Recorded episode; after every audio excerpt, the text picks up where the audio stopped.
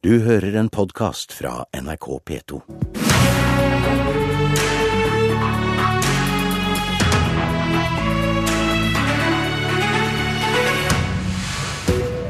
Klarer Erna Solberg å samle sprikende staur? I dag er det stormøte i Nydalen, men først svarer statsministeren i Politisk kvarter. Om noen timer møtes Per Sandberg og Knut Arild Hareide for første gang etter den offentlige krangelen mellom de to. For i dag samles de borgerlige partiene der det hele starta, i Nydalen. Utfordringer framover og budsjettsamarbeid står på dagsorden, men først må det bli ro i den borgerlige leiren. Og forrige gang så hadde du med deg bæreposer med godteri for å sukre pilla, statsminister Erna Solberg. Holder det med litt tvist denne gangen, eller skal det mer til? Jeg tvister vel NRK sin merkevare på pauserommet her. Eh, det, da ladet vi opp til flere uker med forhandlinger. Eh, I dag lader vi opp til en dag hvor vi skal bruke kanskje halve dagen vår på å diskutere hvordan vi skal forbedre det borgerlige samarbeidet. Hvordan vi skal sørge for at de viktige sakene vi er enige om, kommer i fokus. Og ikke minst eh, se på hvordan vi skal utvikle mer felles politikk i møte med en verden som utenfor Norge er mye mer urolig, veldig, veldig, mer, altså veldig større, mer spent situasjon enn det det var da vi forhandlet eh, høsten 2013. Og et Norge som må omstille seg raskere enn det vi kanskje forventet. Fordi at eh, ja, nedgangen i aktivitet i oljesektoren, lavere oljepriser, viser at vi har et eh, behov for å ha enda større trykk på det. Det har vært litt uro mellom de borgerlige partiene. og Hvordan vil du skildre samarbeidsforholdet mellom partiene nå?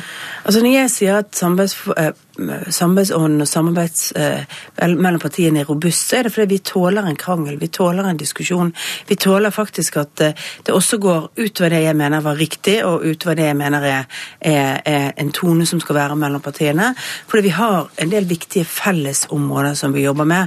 Men det er klart det ikke noe bra at vi har den typen diskusjoner. Først og fremst fordi den flytter fokuset vekk fra de viktige sakene som dette landet står over for. Den flytter fokuset vekk fra våre gode løsninger mellom disse fire partiene. Og, og selvfølgelig fordi at den skaper diskusjon og, og, og, irritasjon nedover i grasroten og mangel på entusiasme for prosjektet. Mm.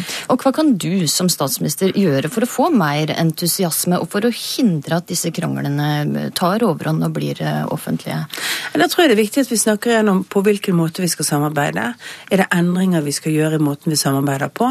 Eh, det var jo slik at etter høstens budsjettdiskusjoner så var vel alle fire partiene ganske tydelige på at vi kanskje må tenke litt annerledes om hvordan vi samordner oss før et budsjett, under en budsjettbehandling, eh, og at eh, Kristelig Folkeparti og Venstre kanskje for å være litt mer med på noen deler av, av budsjettbehandlingen før den kommer.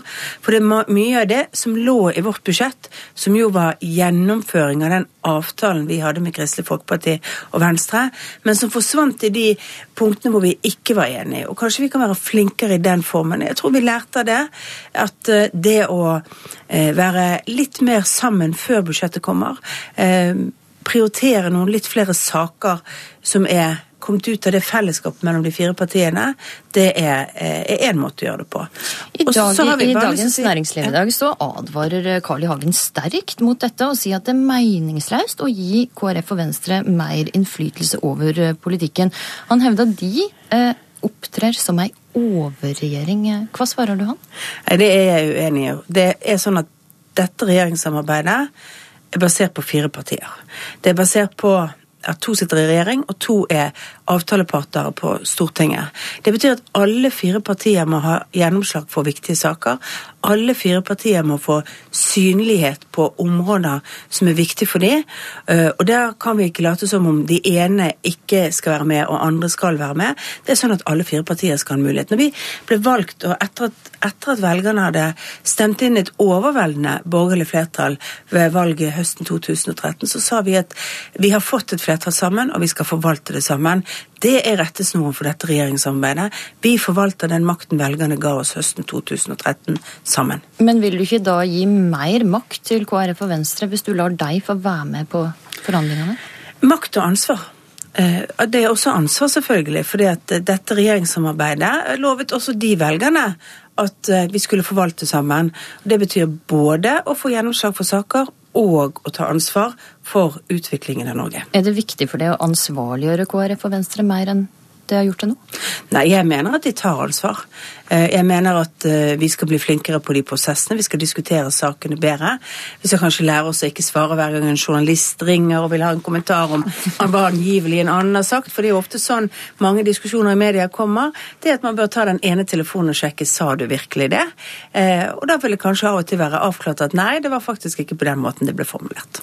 For nær to uker siden så kom Per Sandberg med et kraftig angrep mot Kristelig Folkeparti, der han angrep anklaga KrF for å være skyldig i at fremmedkrigere massakrerer kvinner og barn. Har du sjøl snakka snakka med Per Sandberg etter at han kom med dette angrepet mot eh, KrF? Nei, jeg har ikke snakket med Per Sandberg. Det har Siv Jensen gjort. Det er Siv Jensen som er partileder i Fremskrittspartiet. Per Sandberg er nestleder i Fremskrittspartiet. Det er ikke min jobb å stramme opp alle politikere på borgerlig side eller fortelle det, men vi har vært i kontakt fra statsministerens kontor når vi har fortalt hva vi skulle fortelle, og hva vi kom til å si, blant annet at jeg mente at dette hadde gått over streken, og at uh, det var grunn for at Siv Jensen på vegne av Fremskrittspartiet beklaget.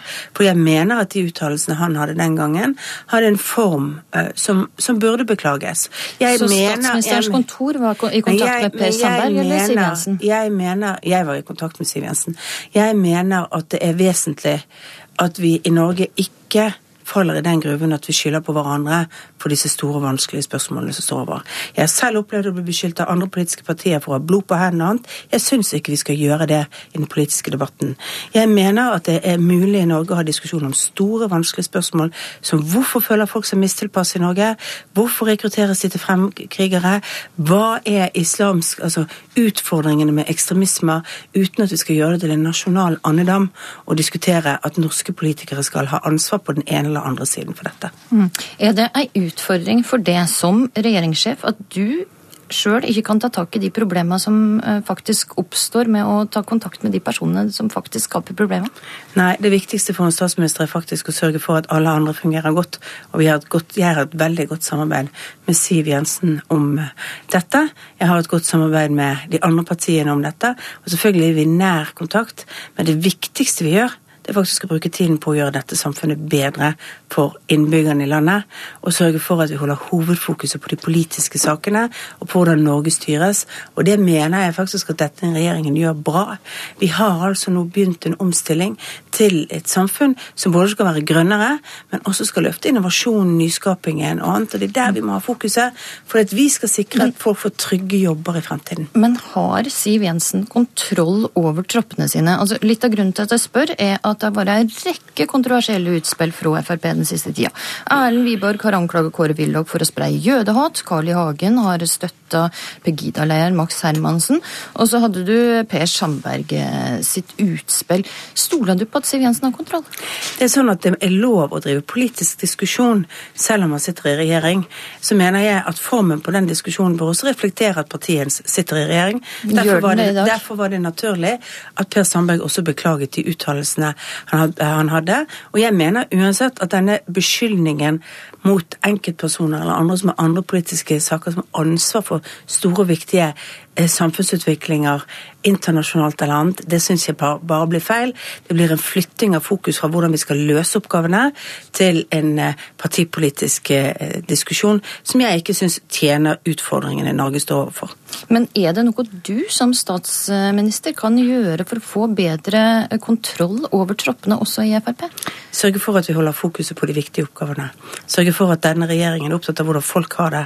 Sørge for at vi er opptatt av hvordan vi utvikler norsk skole. Det er i svaret på sakene, og at vi ikke hele tiden lar oss by opp av medias ønske om fokus på konflikt. Tvert imot eh, sørger for at hovedfokuset er på hvordan Norge skal bli et bedre samfunn fremover. Det er det vi jobber med hver eneste dag. Det er mitt ansvar som leder for Norge. Snakke mindre med journalister, altså det ett av svarene? Nei, snakke mer om de viktige sakene og det som betyr noe for folk. Snakke mindre om det politiske spillet, og snakke mer om det faktum at Norge er et utrolig bra land å bo i, men vi kan bli enda bedre, og vi har noen utfordringer for å opprettholde det velferdssamfunnet vi har fremover. Og Det er derfor regjeringen jobber så mye med de andre sakene. Hver eneste dag så går hele dette regjeringskollegiet på jobb for å sørge for at vi bygger mer veier, for å sørge for at barnehagene våre får bedre innhold, skolen utvikler seg, og at ikke minst at Norge har en viktig stemme i den internasjonale verden vi står overfor, som er mye mer urolig. Apropos de sakene som betyr noe for folk, og også for partiene du samarbeider med. Dagsavisen skriver i dag at regjeringa og støttepartiene arbeider med ei løysing der lengeværende asylbarn som er sendt ut av landet, skal få prøvd saka si på nytt i Norge. Kan du stadfeste dette? Vi sa jo eh, denne diskusjonen har pågått tidligere, at vi skal snakke sammen. Ja, vi snakker sammen, men eh, hva vi snakker sammen om, har jeg ingenting å si om. Men kan eh, møtet i dag resultere i at det kommer fram til en ny løsning for de lengeværende Dette er ikke tema på dagens møte. Dagens møte dreier seg om hvordan vi skal samarbeide, ikke minst om hvordan budsjettprosessen er. Eh, det er ikke så mange enkeltsaker som kommer til å være avgjort på dette møtet. Erna Solberg, du får lykke til med møtet i dag. Vi håper å få ta en ny prat med deg når møtet er over, slik at du kan fortelle om resultatet. Takk for at du kom til Politisk kvarter. Lars Nehru Sand, kommentator her i NRK. Hvis regjeringa hadde klart å løse eh, problemet med de lengeværende asylbarna, hvor mye av samarbeidsproblemene mellom partiene hadde forsvunnet da? Det er helt klart en av de sakene som eh, etter budsjettet har bidratt til at, eh, at kaoset på borgerlig side, som man kaller det, har fortsatt.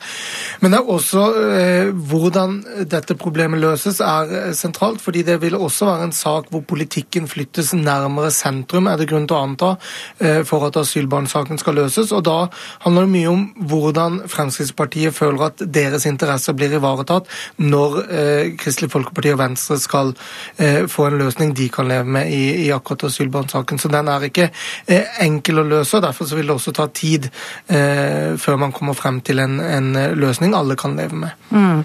Jeg forsøkte å spørre Erna Solberg litt om hvordan kontroll hun har på, på troppene sine og på regjeringsprosjektet. Hva kan du si om den kontrollen du mener at eh, regjeringssjefen har?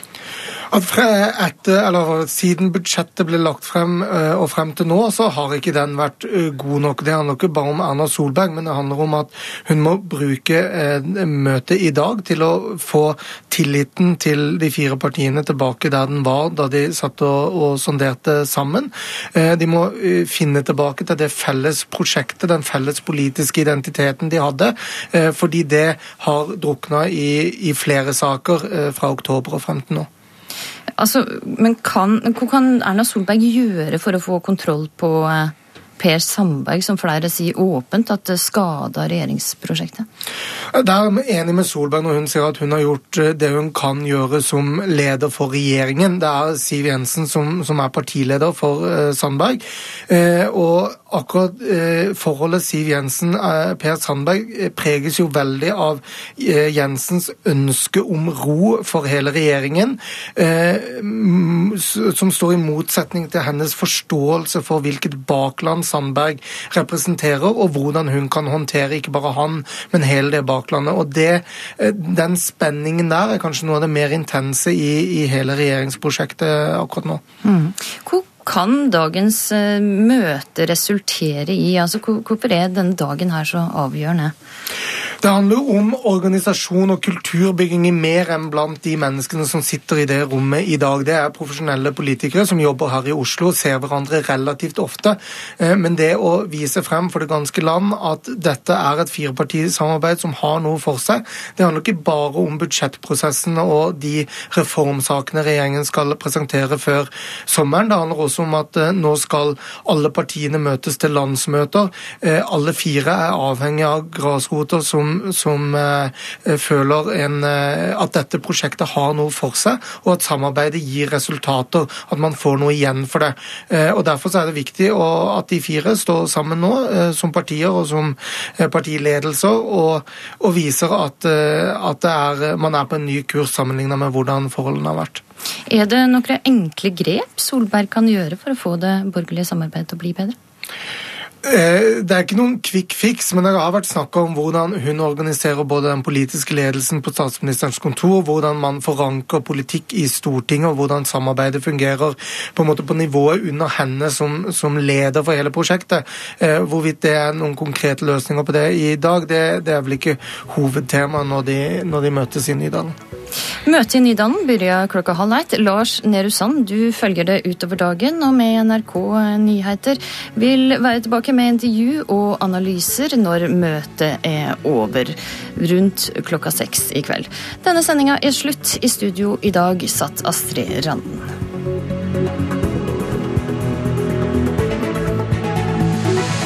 Du har hørt en podkast fra NRK P2.